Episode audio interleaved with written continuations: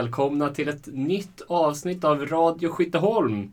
Det var tre veckor sedan vi spelade in sist. Vi rivstartar med att eh, presentera de senaste nyförvärven. Och nu säger vi hej till Sixten och Axel. Oj, oj, oj, var det inte en planerat intro där? En överraskning. Ja, hej, hej. Hej, hej. Hur mår ni? Det är bra. Man har ju lite bättre känsla efter ja, eh, dels cupvinsten i lördags men också efter den senaste träningsmatchen jämfört med efter den näst senaste träningsmatchen. Så det är lite mer vind i seglen nu. Ja, Axel, är det vind i dina segler? segel?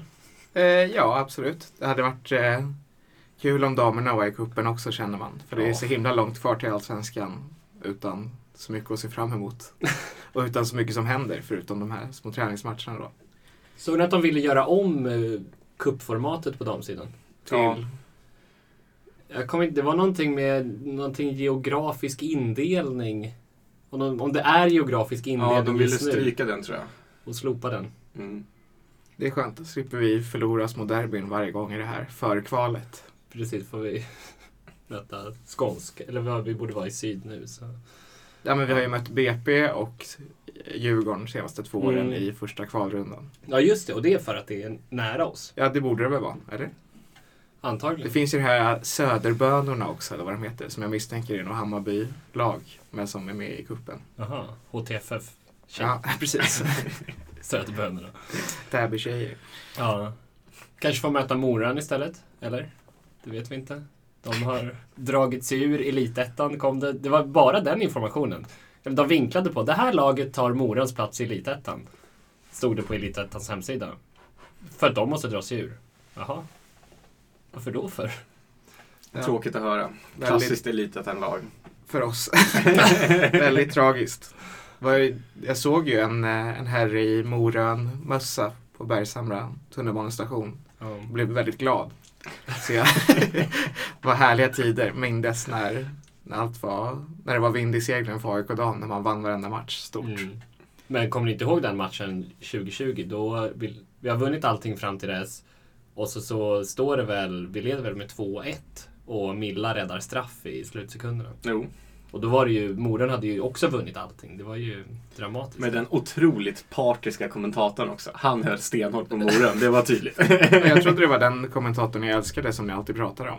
Ja, så han var ju härlig. Det var skönt att han var så obrydd om att det sken igenom. Han var ju säkert någon som jobbade i klubben eller något. Tog ja, kommenteringen för laget. de är väl från Skellefteå, Skellefteå, tror jag. eller hur? Och det Mm. finns väl ett annat lag som också är från Skellefteå. Som har varit lite i damallsvenskan. Är det så- typ såhär Jitex Nej, Jitex är från Göteborg. Göteborg. Men jag Ja. fick också Jitex. På... Alltså det är något som har ett sånt typ av namn. Ja, precis. Jag har för mig att de hade typ en nigeriansk spelare som gjorde 500 mål för dem. Mm. Eller något sånt, en säsong. Ja, de hade jag lite sköna partiska kommentatorer som var sjukt pålästa i alla fall. Det kändes bra. Det, ja, det är, man saknar gamla Expressen Play-tiden. Gör man det? Nu blir det ju via play. ja, påstås det. Det står ju ingenting om det på deras hemsida, men det ligger väl kvar något De har ju skickat ut ett pressmeddelande om det i alla fall. Så det Ja. borde väl stämma. Men det är inte så... Man, man vinner inga prenumeranter tydligen på att säga att man har damallsvenskan. Än. Än. Men snart så. Eh, vad jag har gjort sen sist? Jag var och träffade Hannah Davison i fredags. Satt och... Ja, jag var ju sjukt tidig på Skytteholm eh, och såg eh, lite av träningen. Körde 11 mot 11 på full plan. Har jag aldrig någonsin sett på en träning förut. Och Majo stod och coachade från läktaren. Det mm, var en kul upplevelse. Hur lät Majo när hon coachade? För hon, jag har ändå tänkt på att hon är väldigt tyst under matcher och sånt. Så Hanna! Forward! Forward Hanna! okej. Ungefär så lät hon. Ja. Nej men eh, det var trivsamt måste jag säga. Dock man tredjedels belysning på Skytteholm så det var väldigt mörkt. Ja. Ehm, Men finns det pengar att spara för Solna stad så... Mörkerfotboll alltså. Elen är ju dyr nu för tiden. Ja. Eh, nej men eh, efter träningen så satt jag och Härna i domarrummet. Och eh, så här sa vår nya lagkapten om den äran. Okay, Hanna, you are announced new captain of AIK football. How does that feel? it feels really good. I think uh, just understanding how big of an honor that it was to be announced and taking that all in. Um, I think I have a really clear vision of the potential of the team, and I'm really excited to, to lead them into a really successful season and uh, just have the trust and support of my coaches and teammates and all the supporters. It's quite an amazing feeling, and I'm very honored. Why do you think they picked you as the captain? Um, I think after last season, uh, just finally getting into my stride on the field as a player, but I think uh, just coming from America, I have a very outgoing personality, but I think I tried to channel that into a way that um, I'm very approachable and welcoming, and I hope that uh, my teammates feel that as well. That I really invest in the relationships with my teammates, and um, I love being here. And I think just the energy that I bring onto the field and the vocal leader that I am on the field, uh, just bringing that all together and all the qualities that uh, I'm glad that the team recognizes is valuable. And yeah, just taking that now with the title of the captain, but I think we have so many people on the team that, that do well in leading that it's nice to just kind of funnel that into one person. So, was it a surprise when they told you? Um, a little bit of a shock, yeah. uh, I know that I'm new still to the club and still learning so much about the culture here, so I was a little bit shocked, but uh, like I said, I'm so grateful that to be recognized as someone on the team who uh, they trust in taking this role because I know it's a big responsibility that I certainly don't take lightly. So, um, yeah, shocked but very honored and very willing to accept it and continue to learn and fill the shoes of Matilda from last year. She did such a good job and had been a captain for six or seven years. Um, so they're big shoes to fill, and I'm very honored that I'm the one who was selected to do that, and hope I can live up to that. Yeah. How would you describe this club? You've been here for a year now, and it's, uh, as you say, it's a quite special, special club. Yeah, this club is. I've never been a part of something so special. I think, and uh, just the way that right when I got here, how welcomed I felt by everybody, and um, I think through all of the like hype you see on social media, uh, that when you get here, it really lives up to that, and from the top to the bottom, from like the presidents to the coaches to the teammates to the supporters. Um, it really it's it's really special to see everybody show up on game day and how much love there is for this team and this club. Uh, yeah, it's really it's a really special place. How are you settling in in, in the club and in Sweden, etc. This oh, this past year? It feels good to have a year under my belt already, and I think coming back in January this year, already having my apartment set up and already knowing uh, the city a little bit better and how to get around, it feels. Uh, it just feels like home now. I think a lot more, and the relationships that I have, being able to go and meet up with people now, and uh, yeah, I think it's really starting to feel like my second home and I love it here. I love the culture. I love uh, getting fika all the time and really living out my best Swedish life. How is your Swedish coming along? It's getting better. I'm I'm working on it. I know some basic communication words, and uh, that's something this year I'm also really looking forward to learning more, uh, just to communicate with the fans and everybody else. I know they do such a good job speaking English with me that I love learning new things and uh, languages just really, I don't know, they interest me. So I would love to learn more and be able to communicate. Yeah. If we look a bit at last season, you outperformed most uh, experts' thoughts going into the season. But what did you think about your performance as a team? Um, I thought the team, you know, it was hard last year that we were so young and uh, being the new team coming up in the league. I think we had our struggles uh, and then the little bit of a injury plague that we suffered halfway through the season. Mm.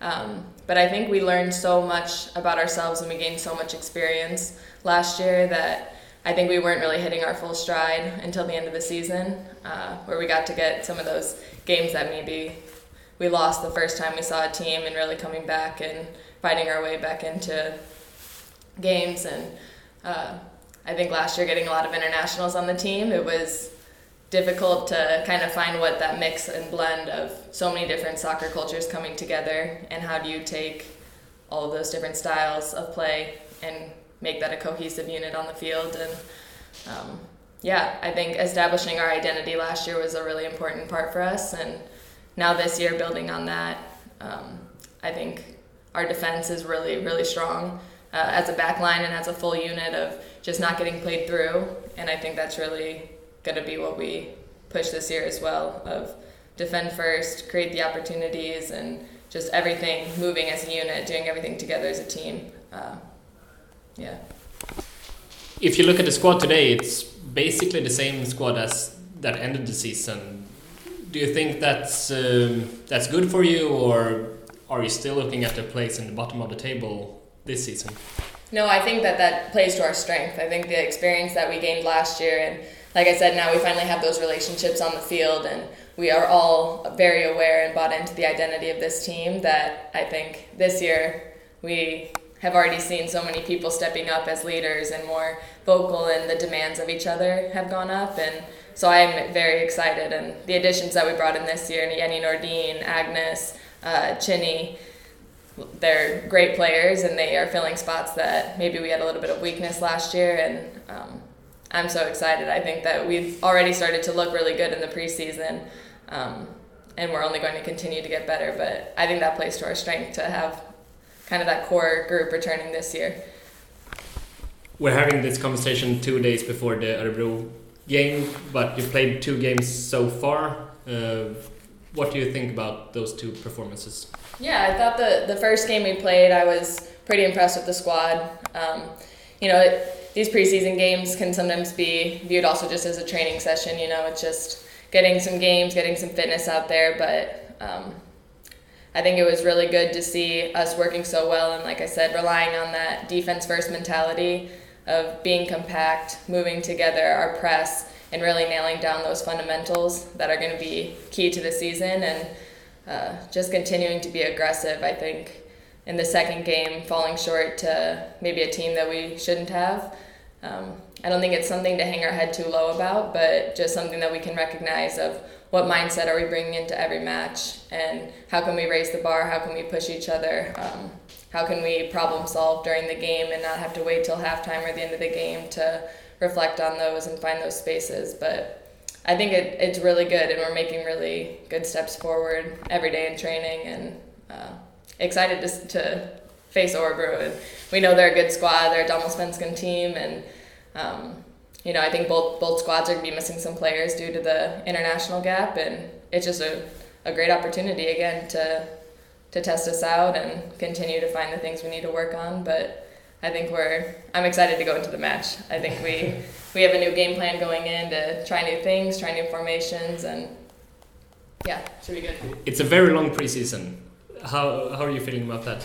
Yeah, this is I think the longest preseason that I've ever been a part of, but uh, yeah, it's tough. But I think again, this is it's making us fitter. I think that's a big, big goal for us this year was um, looking back at some of the data last year of how much more fit we could be and so really pushing us this year to be one of the fittest teams and be able to press for a whole 90 minutes is a goal and uh, just that work rate mentality. And so we're a little bit tired, I think, every day, but it's going to pay off when season starts uh, to do the grind now, and and it'll be great for us later on. I have to ask, when you first came here, your first training session, I think, was at Friends Arena, uh, big and empty. It was kind of different first training this year. How was that experience for you? The premier training was it was incredible. I had no idea what I was walking into, and uh, right before we had actually gone onto the field, uh, just having like a little bit of a moment with the team, uh, and then you started to hear like the fireworks and the chanting and the songs, and I was like, "What are we about to go to?" Uh, but it was so cool to to see that support right from the start, even though it's freezing. Uh, it just speaks to how special this club is and how much the supporters want to come out and see us and uh, I hope to get crowds like that this year when the games start as well. And uh, it was it was unreal. It was really cool. You led the team at the, the, first training. Did you know back then that you were going to be the captain this year? They had announced it just to the team right before we had gone out. Uh, so yes. um, but yeah, yeah, just right before we'd gone out. Do you have any like personal goals or anything this season? Yeah, I think last year, even though I think I did well, I'm excited to continue to grow as a player this year. I think I have a lot more versatility in my game than I showed last year, and finding the long balls in behind, uh, playing more on the left side, and being able to utilize my left foot as a strong foot. Um, and I would love to be scoring a lot of goals on set pieces. It was a goal I had set last year that I didn't achieve, but that's something that is a strength of mine to be dangerous in the air and hope to capitalize on the set pieces that we earn. Ja, vi var ju inne på det i förra avsnittet och eh, Isabelle gjorde till och med en snygg eh, liten grafik att det nog är Härna som eh, blir ny lagkapten. Där var vi rätt på det. Har ni några, några nya funderingar eller analyser kring det nu när beskedet har fått marinera lite? Känns fortfarande bra. Men det jag tänkte på mest i intervjun var ju att hon tryckte på det att det var kanske lite svårt att få spelet att stämma förra året med så många olika typ alltså, spelstilar från hela världen. Det var ändå mm. lite intressant. Och det kanske är något som de har pratat om och som kanske är lite grunden till att det inte är alls lika stora förändringar i truppen i år som inför förra året egentligen. Att man vill ha lite mer kontinuitet. Men man tog in Asher som har varit i alla länder i hela världen. ja. Så hon, hon, har fått lite... Ja, men det är för att hon kan vara spindeln i nätet då mellan alla olika ja, fotbollskulturer. Ja, precis. USA, Kazakstan, Norge. Då liksom... Och Colombia. Precis. Hennes spider, den är helt... det var en cirkel. Nej men eh, det känns väl som ett... Um ett jättetryggt besked. Hon har känts väldigt kaptenig i alla de här bilderna som har kommit ut på försäsongströjan och, och så. Det känns som att hon leder laget bra. Mm. Ja, och hon säger ju det att hon liksom vad hon sa, att hon investerar mycket i de sociala relationerna, något i den stilen. Och det känns ju verkligen som något man vill att en kapten ska göra. Mm, jag tänkte på det, ganska liten grej egentligen, men det var, det var någon i laget som någon av de som kom förra sommaren. Julia Olsson kanske det var, som fyllde år. Eh, så här, jag kollade upp på Instagram att grattis som fyller år och så la Härna upp på sin Instagram att de var och käkade födelsedagslunch eller middag eller någonting. Och tyckte ändå så här, det kändes också kaptenigt. Man blir ju glad när, varje gång man ser sånt. Att de hänger. men också att det bara var de två på det. De kanske är svinbra kompisar men det känns ändå så här. Du fyller år, jag tar med dig och käkar. Ja men då måste hon varit väldigt ny också, Olsson, tänker jag. Nej det var nu i vintras. Ja nu, okej. Okay. Jag trodde det var i somras. Ja. Fan jag har fel på hennes födelsedag alltså. jag grattade henne fel dag. Det är ganska roligt faktiskt. Nej men det var, man blir ju glad när man ser och umgås och jag blev också väldigt glad när jag såg Asher dricka Trocadero efter bara några veckor i Sverige. det kändes härligt. Ja, Asher som eh, enligt uppgift alltså ska vara jävligt bra. Jag pratade lite med en som jobbar i klubben om nyförvärven och det var så här, ja men Agnes Nyberg, ja men stabil och Jenny, ja hon är ju jävligt stabil och Asher, kvalitet. så, okay. så det känns ju bra i alla fall. Ja, verkligen. Uh, men uh, däremot så, det har ju spelats lite träningsmatcher. Den här intervjun gjordes ju innan Örebro-matchen. Uh, men om man bara tar de två första det var någon, var det 2-1 mot BP? 2-0 mot BP och eh, en rejäl plump mot eh, Norrköping. Men eh, Härna lät ju ändå hyfsat nöjd. Eh, delar ni hennes analys? Vi såg ju inte matchen mot eh, BP utan Nej. fick bara en rapport på Instagram om hur det hade sett ut. Och den slutade 2-1 också. Den gjorde det? Ja. Ah. Hade jag rätt. Ja. Gud, jag var så himla säker på det. Ja. Eh, och eh, den andra matchen såg ju den mot Norrköping, som då är elitettan-motstånd ska sägas. Som blev förlust med 4-0. Såg ju du på plats Axel och jag i soffan. Eh, jag inte alls. Nej, det ska ju tilläggas att den där sändningen var ju inte den enklaste att följa. Speciellt inte när bollen var långt från kameran. Då såg man ju knappt vad som hände. Mm. så du har väl bäst koll på den. Men det man ändå kunde se var ju att det eh, såg väldigt tafatt och liksom naivt ut. Axel, dina avslutningsord eh, från eh, din rapport på skyttan i vår chatt var att du var så jävla kall, arg och bakis. Ja, Uh, vill du beskriva din upplevelse? Fruktansvärd. uh, nej, men uh, ja, jag vet inte om jag kan beskriva det så mycket närmare med de tre orden. Men spelmässigt så var det ju, uh, det var otroligt provocerande nästan. Att mm se, även fast resultat spelar ingen roll eller bla bla bla i träningsmatcher men om inte resultat spelar någon roll och spelet dessutom är jättedåligt, då finns det inte så mycket att försvara med. Och eh, det var svårt att veta exakt vad som hände såklart. För eh, eh, alla, vi låg ju liksom helt fel i försvar hela tiden och verkade liksom låta folk eh, springa förbi om de ville det. Eh, och eh, fanns liksom ingen offensiv tanke. Det var bara långbollar upp på anfall. Mm. Och ja, som jag pratade lite om innan också, att såhär, när man ser att spelet ser ut så, så ser man det behöver inte vara så, det kan vara att man jobbar med små medier eller man ska säga. Men så ser man typ en tränarbänk vara helt tyst, så blir det ännu mer provocerande tycker jag. Mm.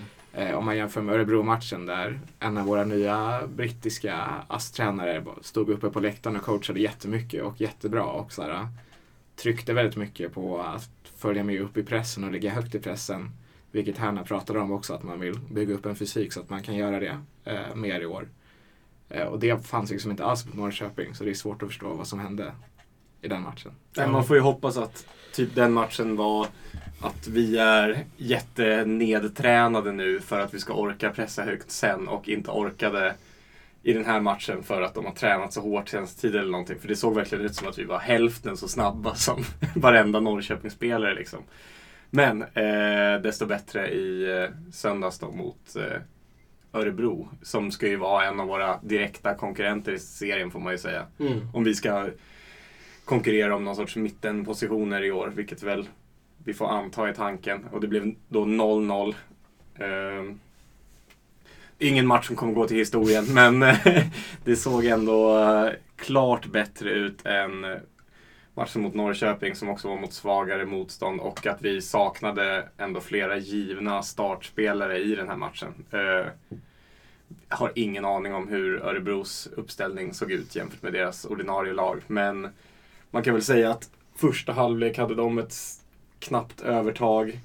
Eh, andra halvlek börjar jämnt men sen sista halvtimmen har vi ett klart övertag och eh, lyckas bra i pressspelet och vinner tillbaka bollen. Det skulle inte förvåna mig om vi har så här 75 plus procent bollinnehav sista, sista halvtimmen just för att vi återerövrar så himla fort. Och det är ju sånt man verkligen vill se. Ja, det var inte heller eh, alls bästa lag som spelade mot Nej. Örebro.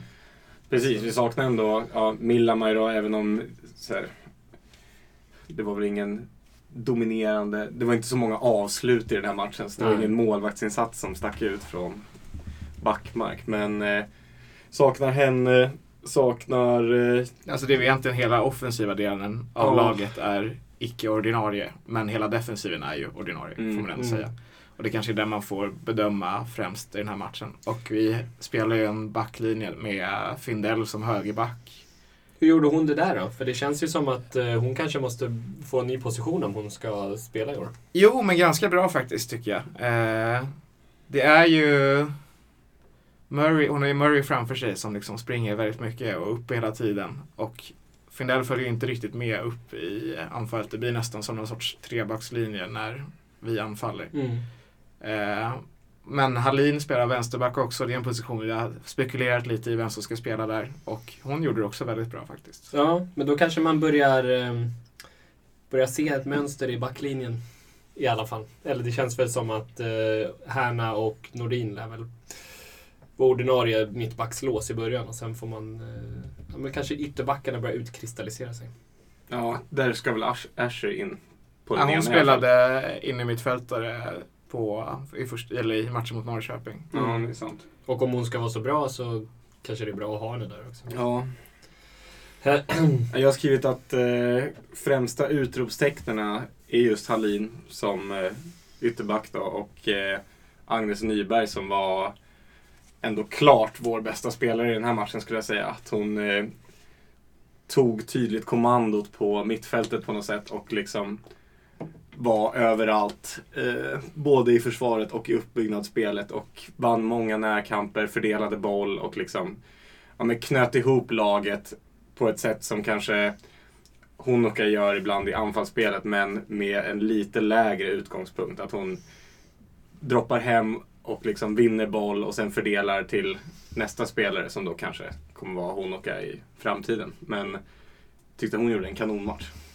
Men det här som han är inne på i intervjun också, att det är ju liksom, det är försvar först som gäller. Tror ni... Ja, fast det, det hon säger i intervjun är ju ändå att eh, de vill jobba upp en fysik för att pressa och att det är klart att det är ett försvarsspel, men att pressa högt är ju ändå mm. ett offensivt försvarsspel som ja, herrarna verkligen har gått över till nu om man jämför med Norling Shape för att ta två extremer på kort tid i herrlaget.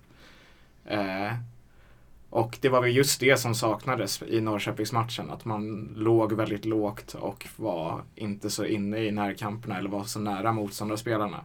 Och det ska sägas, den här Örebro-matchen så förlorar vi extremt många närkamper. Eh, mm. Eh, lite oroväckande nästan att vi ser ganska alltså, svaga ut fysiskt. Men vi är i alla fall där i dem. För det var vi inte mot Norrköping. Men i motlägg och liksom rena en mot en närkamper förlorar vi oroväckande mycket mot Örebro. Och det, eh, det är någonting, det är tidigt på försäsongen ändå och man hoppas att de ska jobba upp den fysiken. Men viljan fanns där. Um. Jag tycker det var det som var skillnaden med om man tar första halvlek mot sista 30. Att sista 30 vann vi faktiskt närkamperna. Framförallt typ Hallin och eh, Nyberg som klev in framför folk och tog tillbaka bollen. Och mittbackarna i viss mån också när de försökte spelvända. Att vi hade bollen. Alltså, de hade... När Örebro väl fick bollen så hade de den inte många sekunder innan vi faktiskt tog tillbaka den. Sen att det kändes lite som att det berodde på, mer på att Örebro slarvade än att vi pressade på ett magiskt vis, eh, ska sägas. Men det var ändå tydlig skillnad sista halvtimmen. Ja, jag tycker ändå det finns en skillnad. Att, jag, tycker vi, jag håller med om att vi vann mycket mer boll i slutet, men jag tycker det handlade mer om att vi stressade dem och de passade bort den till oss mm. än i första halvlek när vi försökte gå in mer fysiskt och liksom ofta förlorade de närkamperna. Men det är två, ja, det, är, det är ju det en hög press innebär egentligen, att man är där och stör dem. Men de kom ändå förbi oss ofta när det är så här, man tycker att vi tar bollen och sen så bara tar de tillbaka den och så ligger typ vår spelare på marken efter. Mm. Så det var ju väldigt många som låg ner i första ja, halvlek. Vi hade ju inte den tyngsta liksom, anfalls... Tycker backarna vinner ju de, sina närkamper, men det är väl förklarligt eh, om man ser på hur laget ställde upp. Vi hade ju då eh, Nildén, eh, Murray och eh, Janfors eh, som en liksom det är väl ingen, ingen där som är någon speciellt fysisk spelare. Tremanna-anfall med Nildén? Nej, det var det inte. Nej, men eh, som en sorts... Vad ska man säga? Det var väl en ganska rak 4-4-2, ibland 4-5-1 skulle jag säga. Ja, jag skulle säga 4-5-1. Vilka var på topp då? Om det... Kim L var på topp. Ja, och sen eh, gick Murray upp på topp när det blev lite byten i andra halvlek. Och, och sen det... var väl Dai på topp sista. Oh. oh. Jag vet inte, men eh, jag det kändes otroligt skönt att vi höll nollan. Eh, tråkigt att vi inte gjorde mål. Men eh, jag känner att vi är mer positiva nu än vad det kändes i söndags. jag tyckte ändå det kändes helt okej i söndags. Jo, men eh, jag, vet inte, jag tycker det känns som att det är en för positiv bild just nu. Så jävla bra var det inte heller. Örebro var också extremt trötta i slutet och det känns som att vi bytte eh, typ mer än dem och hade Ja, egentligen så skulle vi ju få reda på um, ifall vi kunde förbättra det här mediokra eller eventuellt förvånansvärt positiva redan i helgen. Men eh, matcherna mot Cups Vasa ställs in. Så Sixten får hitta på någonting annat på tisdag morgon nästa vecka. det ska jag nog kunna klara av. Ja. Men, eh, men jag såg det är ju oerhört långt till nästa träningsmatch nu. Ja, man borde ju lö- om, om man har stycken ställs in. Ja, om man har planerat att spela två träningsmatcher. Var det, vad var det? Tisdag, lördag eller något sånt där? Tisdag, fredag? Typ. Ja, tvärtom. Helgen och sen tisdagen därpå. Ja. Och eh, sen blir av med dem. Vi måste ju kunna möta något, eh, något det annat lag. Det låter ju som på er som att eh, lite tid i gymmet inte hade skadat då istället. Jag vet inte om det, kommer, om det är det som är lösningen för en vad är hon, 17-årig Nildén, att hon ska men, gymma nu. Nildén, men, eh, jag, jag håller inte med om att Nildén är så här, För jag tycker det som jag, det som jag tycker är anmärkningsvärt när jag ser matchen i söndags är att typ Findell, som ändå är så här, äh, relativt stor och har mycket rutin, att hon kan förlora så mycket motlägg som försvarare. Medan Nildén är så här, hon vet att hon är liten och hon gör ju jättemycket offensiva tacklingar hela tiden och man märker att vår ASS-tränare pushar på det hela tiden och hon gör det. Så att hon, jag tycker nästan hon känns som en så här bättre fysisk spelare än vad Findell känns som i den här Mm. matchen. Ja, det blir guld i år. Av Örebro. Härligt! Känns bra. Nej men eh, det kom andra nyheter som eh, säkert folk inte har missat i sociala medier. Men eh, bokslutsrapport för 2021 och vi är jävligt täta. Det känns ju bra. Ja, Måste vara Ja, det- svenskans rikaste lag. det tror jag inte. Får vi vänta. Jag vet inte om Bayern har lagt ut sin rapport. Men de, De har inte det. de kommer nog vara täta också. Mm. Djurgården också. Det var någon, jag tror det var Håkan Strandlund, som pratade i den här intervjun på, eh, som lades upp på hemsidan att det är pengar som kommer återinvesteras i spelartruppen och det är klart att han pratar ur ett eh, herrfotbollsnarrativ då. Mm. Men eh, det skulle ju vara kul om Anne kunde få någon liten peng och köpa någon liten spelare för i alla fall. Det är alltså, jag skämtade lite om det i början men det har inte kommit något nyförvärv. Det var tre veckor sedan vi spelade in sist liksom och det, det är samma gäng på planen. Det, vad händer? Kanske tycker att vi är klara. Men är vi det då? Omöjligt att säga. Det känns som att vi har många spelare. Det var någonting jag tänkte på när jag var på träningen. Vad fan, de kör ändå 11 mot 11 och det är massa iväg på landslagsuppehåll och det var fyra pers som stod vid sidan om för att de körde någon slags kedjor. Ehm, Ja, alltså det, det har ändå kommit in att det har kommit in tre tydliga tilltänkta startspelare ändå får man säga. I eh, Jenny Nordin, Ascher och Nyberg vad det verkar som. Eh, det kanske är liksom den ni- nivån man satsar på. Ja, och sen så Jan Fors och Kajsa Collin i somras är väl ändå potentiella startspelare också i alla fall. Ja, verkligen. Så det kanske är så att man vill eh, sätta truppen tidigt och eh, träna ihop den istället för att eh, liksom göra några sista minuten-värvningar. Det känns ju ändå som att det borde vara lite lättare på damsidan att sätta truppen tidigt, eller vad man ska säga. Eh, för det är inte det här transferfönstret där folk ska ha liksom utgående avtal med någon klubb men säkra någon sorts EM-kvalplats och grejer på samma sätt. Det är inte samma liksom ja, vad ska man säga, det är inte samma den här att, ja, men som här laget gör, att man väntar när de stora ligornas transferfönster har stängt och det är på samma sätt som man kanske vi är ju är de stora klar. ligorna. Alltså, Ja, vi klart är, ju vi är väl rankade sexa eller något sånt där. Så Femma tror jag till och med. har vi klättrat. Otroligt. Ja, femma i Europa är det i alla fall. Men Mm. Jag vet inte, USA är väl bättre. Varför skulle det inte vara så att någon behöver en egen plats i sommar och behöver spela i damallsvenskan? Nej, men det känns inte som att det är samma tryck på det utländska, att det utländska transferfönstret stänger på samma sätt. Som när det kan dyka upp sådana möjligheter. Eh, Som det pratades om Arnautovic för två år sedan. Ja. precis. Liksom. Jag tänker att, ja, det kan säkert vara så, men jag tänker också att det är för att media inte har rapporterat om, alltså att det inte finns den silly-hetsen kring Ja. damerna än. Nej men verkligen, det borde ju vara spelare i, alltså svenska spelare utomlands. Såg att det var nog upp mot 50 utlands, alltså svenskar utomlands i alla fall på de sidan. Det är ganska mycket. Det borde vara någon av dem som sitter kvist och behöver speltid inför EM om man är sugen på en EM-plats. Man kan ju hoppas. Ja, och just då att damallsvenskan är en så hög rankad liga att vända hem till Sverige för att spela till en plats kan Ja. vara bättre än att vända hem till allsvenskan också. Ja men precis. Eller till herrallsvenskan. Ja, och det känns ju ändå som att eh, Gerhardsson känns ju som en förbundskapten. Jag menar hur han tog ut eh, Rosa utan att hon hade ens debuterat i damallsvenskan. Det känns som att han eh, inte är omöjlig att låta spelare få chansen. Så Nej. kom, alla som är bra. alla som är bra, alla som har, är bra egentligen men inte har visat det senaste halvåret. Mm. Det måste ju finnas en uppsjö finska spelare som vill ta plats i EM också. Verkligen. Är de med i EM? Ja, de är ju det. Så det finns en chans att vi kommer ha två EM-spelare i... Tre. Vem är den tredje? Jenny Danielsson och Milla är med landslaget just nu. Och Ja. Kajsa Collin har varit ganska mycket med landslaget eh, tidigare. Okej. Ja. Det var ju Luxemburg i EM. det var ju Milla Majs första riktiga landslagsuttagning som jag Ja. såg nu. Det var roligt att se. Det var väldigt kul. Hon verkade tycka att det var väldigt roligt att se. Ja, det kan man väl förstå. Ja, nej, men det, det känns... Så, alltså för jag, jag vet inte hur finska målvaktssituationen ser ut, men de har väl någon som spelar i Atletico Madrid i alla fall. Eh, Bayern har en finsk målvakt som är Mm. rätt bra. Det känns som att de har det rätt lugnt på målvaktssidan. Eh, kul att bara se henne så här, filma inne på arenor och bara lägga upp bilder på sig själv i landslagskläder. och Ja, blir glad. vara i den legenda- legendariska franska orten Le Havre också. Mm. Det vill man ju vara. Ja, det är ett sånt lag man väljer på Fifa bara för att det låter kul. Också ett sällskapsspel. Ja, det också. Eh, Men apropå målvaktsfronten då. Mm. Eh, vi, Backmark pratade vi om sist att hon inte har kontrakt. Ja. Vad vi vet. Persbäck har kontrakt men får ändå inte spela träningsmatcher.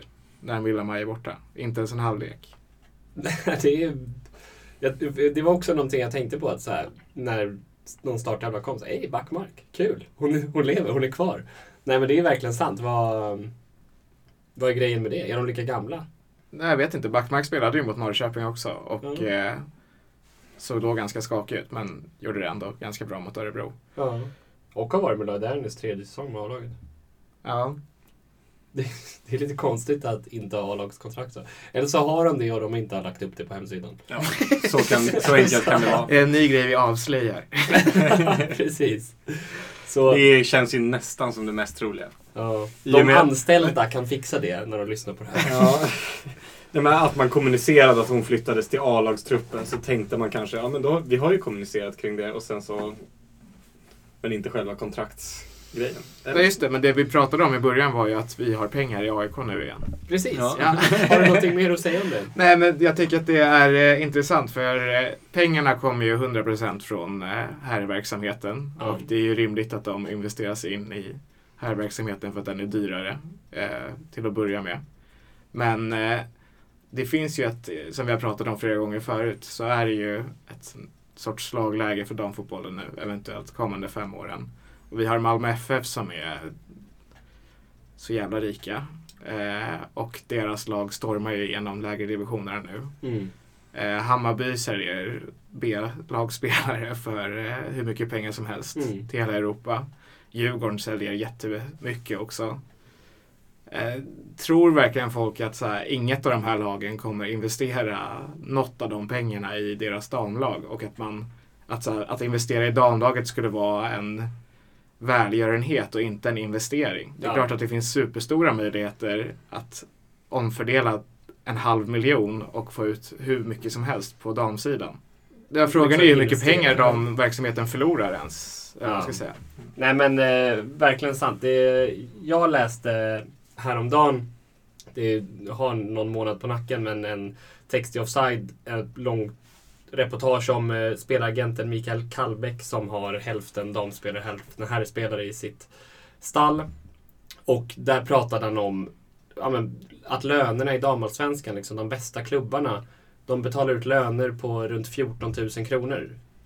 Det är inte Alltså det är verkligen inte mycket pengar. Alltså säg att man då nu, de allra bästa spelarna i världen, de hade väl kanske snarare löner på Ja, vad var det? Typ 200 000 kronor. Alltså de tjänade mycket pengar. Eh, men hitta lite mellantingspelare och stoppa i AIK och bygg hype kring damerna. Tycker jag. Ja, nu när Norrköping verkar ha något jävligt spännande på gång också. Passa sig där också. var det som var grejen med matchen. Det var inte vi som var kassade. Nej, de kommer bara dansa igenom elitettan. Um, Nej.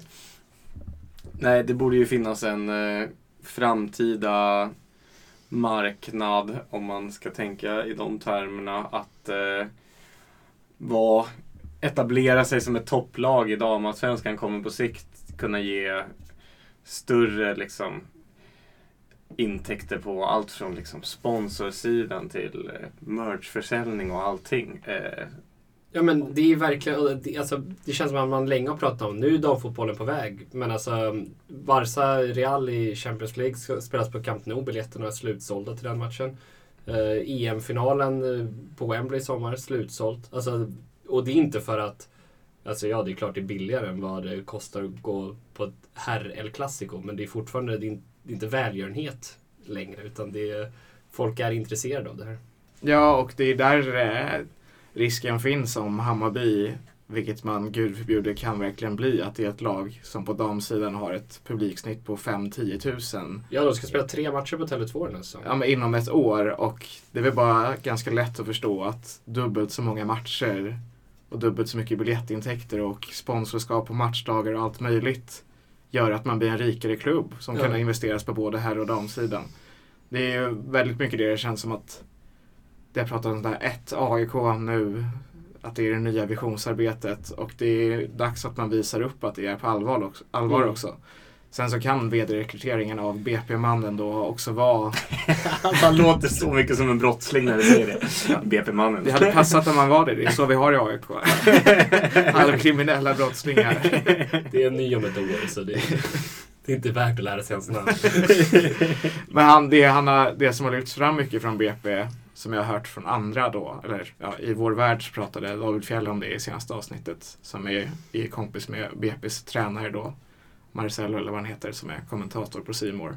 Mm -hmm. eh, att eh, i BP har man jobbat väldigt mycket med herr och dam tillsammans, eller man ska säga, att man har prioriterat dam, lika högt. Mm.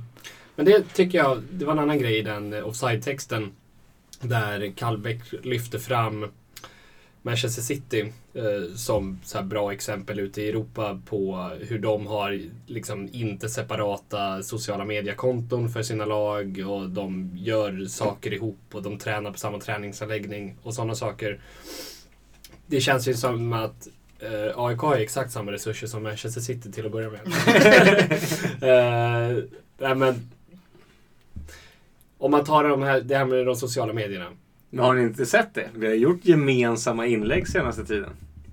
Ja, med försäsongströjan. ett, halv, ett halvt steg. Um, ja men precis, men det känns ju, jag har liksom sett att AIK, det är inte som att man bara, va, oj, ofta räcker man grej. Utan det är en strategi att ha det separerat. Eh, för att jag tror att det är liksom lägga mer fokus på damerna. Att ha liksom en kanal som är 100% på damerna.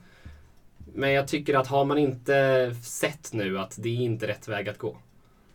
Alltså, jag, för jag tycker alltid det är kul när AIK gör ja, men, på ett utstuderat sätt, gör på ett annat sätt. Och ifall AIK känner att det här är rätt väg att gå, så kör. Men nu tycker jag att det känns som att slå bara ihop det. Det är så de framgångsrika klubbarna gör. Ja. Ja. Jättekul att lyssna på tre personer som håller med varandra. Vi borde få in eh, få in något av de äggkontona som svarade dig om när du skrev om att eh, mäklaren kanske kunde få lite pengar. Ja, precis. Då var det ju... Äggkonton. ja, men... Ja. AIKs opolitiska höger var där. Precis, jag kommer inte ihåg vad det var någon som sa något. Men det var så här, de tar 75 personer, varför ska de ha några pengar? Istället ja, för att, att se ett problem och inte se en möjlighet. Och det var någon annan som skrev så här, herrarna drar in 98 procent. Då, så här, då kan väl damerna få 2 procent. Och jag tänkte det skulle vara bra för dem. så kör hårt. Jag vet att det var lite så här, eh, ingenting AIK kommunicerar ut direkt, men att eh, Corona-året så fick damerna av herrarnas budget. Och att det var liksom, väl, jag vet inte hur mycket det var, men det var så pass lite pengar att det betydde jättemycket för damerna men påverkar inte herrarna alls. Att damerna inte gör någon Sälenresa eller någonting liknande. De har väl fan inte ens åkt go-kart. Alltså, eh, jag fattar, de har ju jobb och så. De kan väl inte bara dra till Sälen hur som helst. Trocadero på Bastard Burgers i Solna ja, centrum. Ja, men de tränar med en tredjedels belysning och de får ingen frukost. liksom, vad, vad fan små ansträngningar. Vi, har ju, vi fick ju bokslutsrapporten, vad fan. Vi har ju jättemycket pengar. ja. Ja. Försäsongströjan, tycker ni den är snygg? Helt okej. Okay. Nej, den är väl ganska snygg, men efter de här teaserbilderna på först liksom märket med den här sammetsbotten och allting och de här eh, liksom detaljerna med kronorna i nacken och boxen. Alltså, skulle kunna köpa bara boxen. Då, så, då såg det så himla lovande ut och sen när tröjan väl kom så blev jag ändå lite besviken. Fortfarande snygg och jävligt snygg när man har sett den live också. Att eh, då lyftes den. Men lite för mycket lite för mycket detaljer för min smak. Det är de här små flaggorna på ärmarna och lite Mm. så här. Man hade kunnat skala ner det och så hade den varit ännu snyggare. Alltså ta bort det här AIK på bröstet till exempel.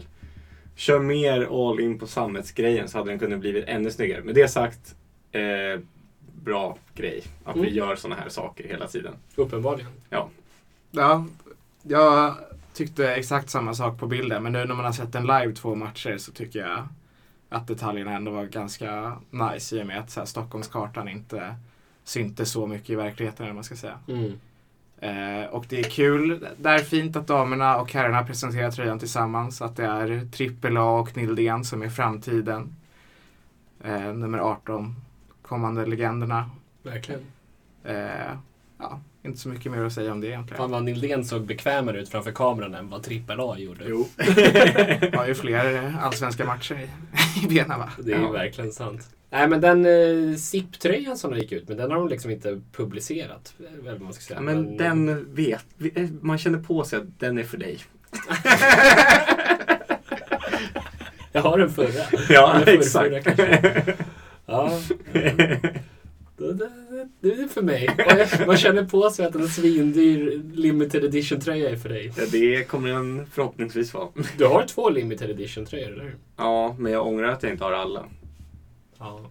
Har du försökt köpa alla? Nej, det, det, det är det jag ångrar. Jag hade inte fått tag på alla antagligen.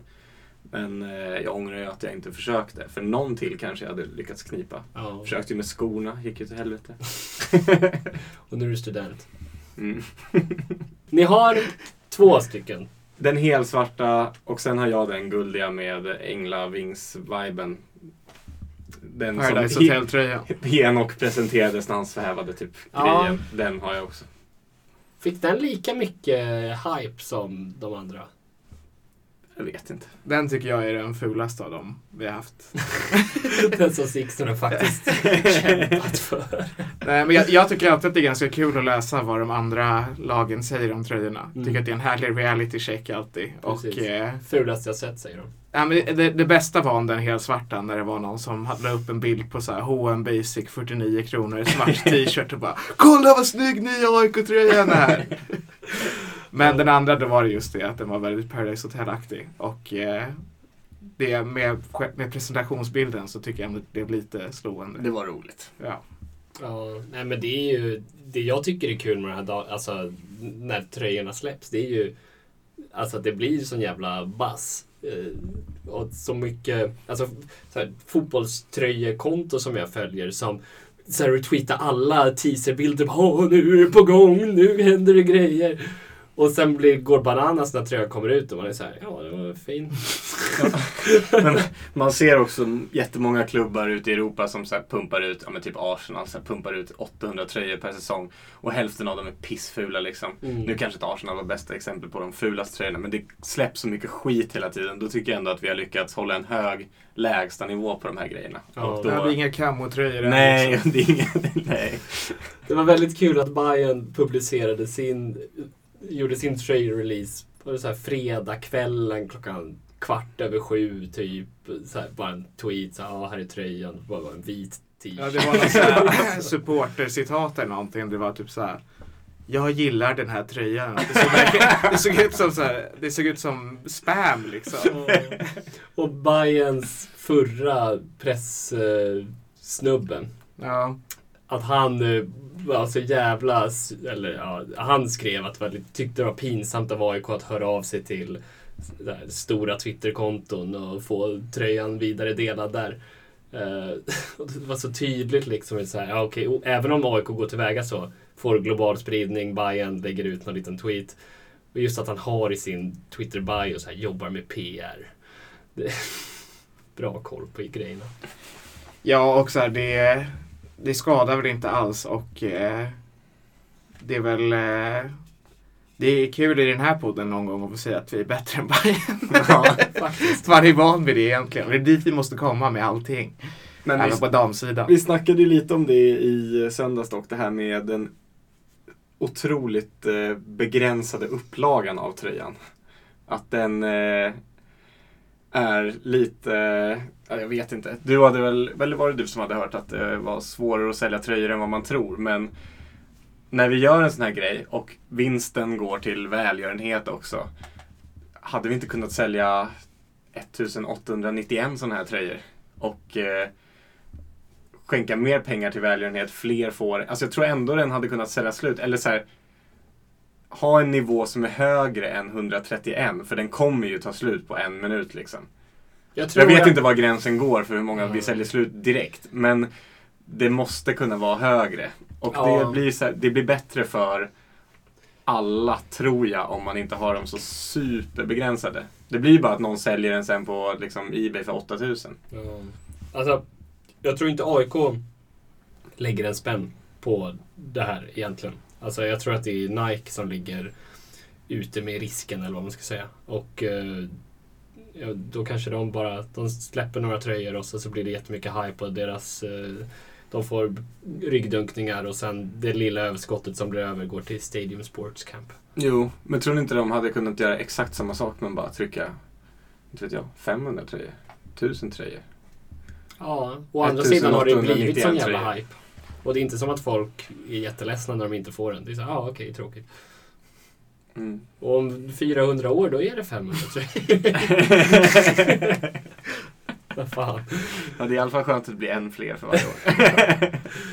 Precis, behöver inte vara för arg för. Ja, det finns säkert jättemånga anledningar men det är, ibland måste man ju säga någonting också för att frida ut en podd. Ja, precis. Ja, det Ha har vi verkligen lyckats göra. Alltså, det är typ vårt längsta avsnitt någonsin. Är det det? Jag tycker det här är vårt sämsta avsnitt någonsin känns det som. Ja, det, kan. Det är noll röd tråd i det det här. kanske är sämst, men det är längst. Det är dålig kombo alltså. Precis, det märks att inte vi har sett Har ni några kloka... Känner jag trampar vatten och försöker hitta en tråd och bara Det här kanske man kan prata om och tycka någonting om. Väldigt kul eftersom det kändes som att vårt förra avsnitt var det bästa någonsin också. Ja, du tyckte det. Ja, Sampan hörde av sig och bara kvalitet. Det var det första han Det lyssnade på också. Antagligen. Han sa det på Super Bowl. Ja. Men det var ju bra. Jag vet inte hur bra det Måste Det få var ett bottennapp då och då också. ja, vi, vi, vi är som bäst när vi har någonting att prata om. Om vi har ungefär 200 lyssnare, hur många tror ni fortfarande lyssnar? 20. ja, nej men vi... Eh, det vi- förståeligt om ni stängde av det här, men... Eh, men ni fick en intervju med Hannah Davidson Ja, det var bra att vi la den i början i alla fall. Ja. och, och skarpa analyser. Klipp den till slutet istället. Tisa med den. Eh, Slutet blir svårt att knyta ihop. Ja, du får jobba hårt med saxen. Ska vi säga så? Jag vet inte. Förvånansvärt många, som det var väl i förra avsnittet jag la en liten teaser i slutet. Mm. Förvånansvärt många som lyssnar förbi ringen. Ja. Gör ni det när ni lyssnar på poddar? Ja. Ja, ibland. Det Mm. beror på lite vart jag är liksom i mitt poddlyssnande. Om jag är nära hem eller om jag har lång tid kvar. Ja, om det inte är så att jag har perfekt timing med att jag ska någonstans, då har jag ju saker köade. Så då går det ju slut liksom av sig själv. Ja, jag fattar. Ja, eh, nej, men eh, nu, nu lägger vi av med det här tycker jag. Ja. För alltid. Ja. Ja, vad ska vi prata om i nästa avsnitt? Kanske någon kan berätta om någon har lyckats lyssna hela vägen. Nästa tre veckors väntan. Då blir det snack om de uteblivna nyförvärven. Jag tycker vi måste få till eh, en intervju här nu med någon i ledande position eftersom att vi uppenbarligen har en del kritik. Ja, faktiskt. Och eh, många förundringar att vi inte bara sitter och spekulerar utan kanske frågar folk om varför gör ni så här Ja. och eh, hur borde vi göra det? Jag jobbar på det. Bra. Och så, så om jag inte har fått någon ledande person med slips så ser jag till att vara på skyttan och prata med en tränare i alla fall. Det är bra. Det låter Ja. jättebra. Bra, bra. Det har ni att se fram emot nästa gång. Vi hörs när det är. Ingen vet. Hej då!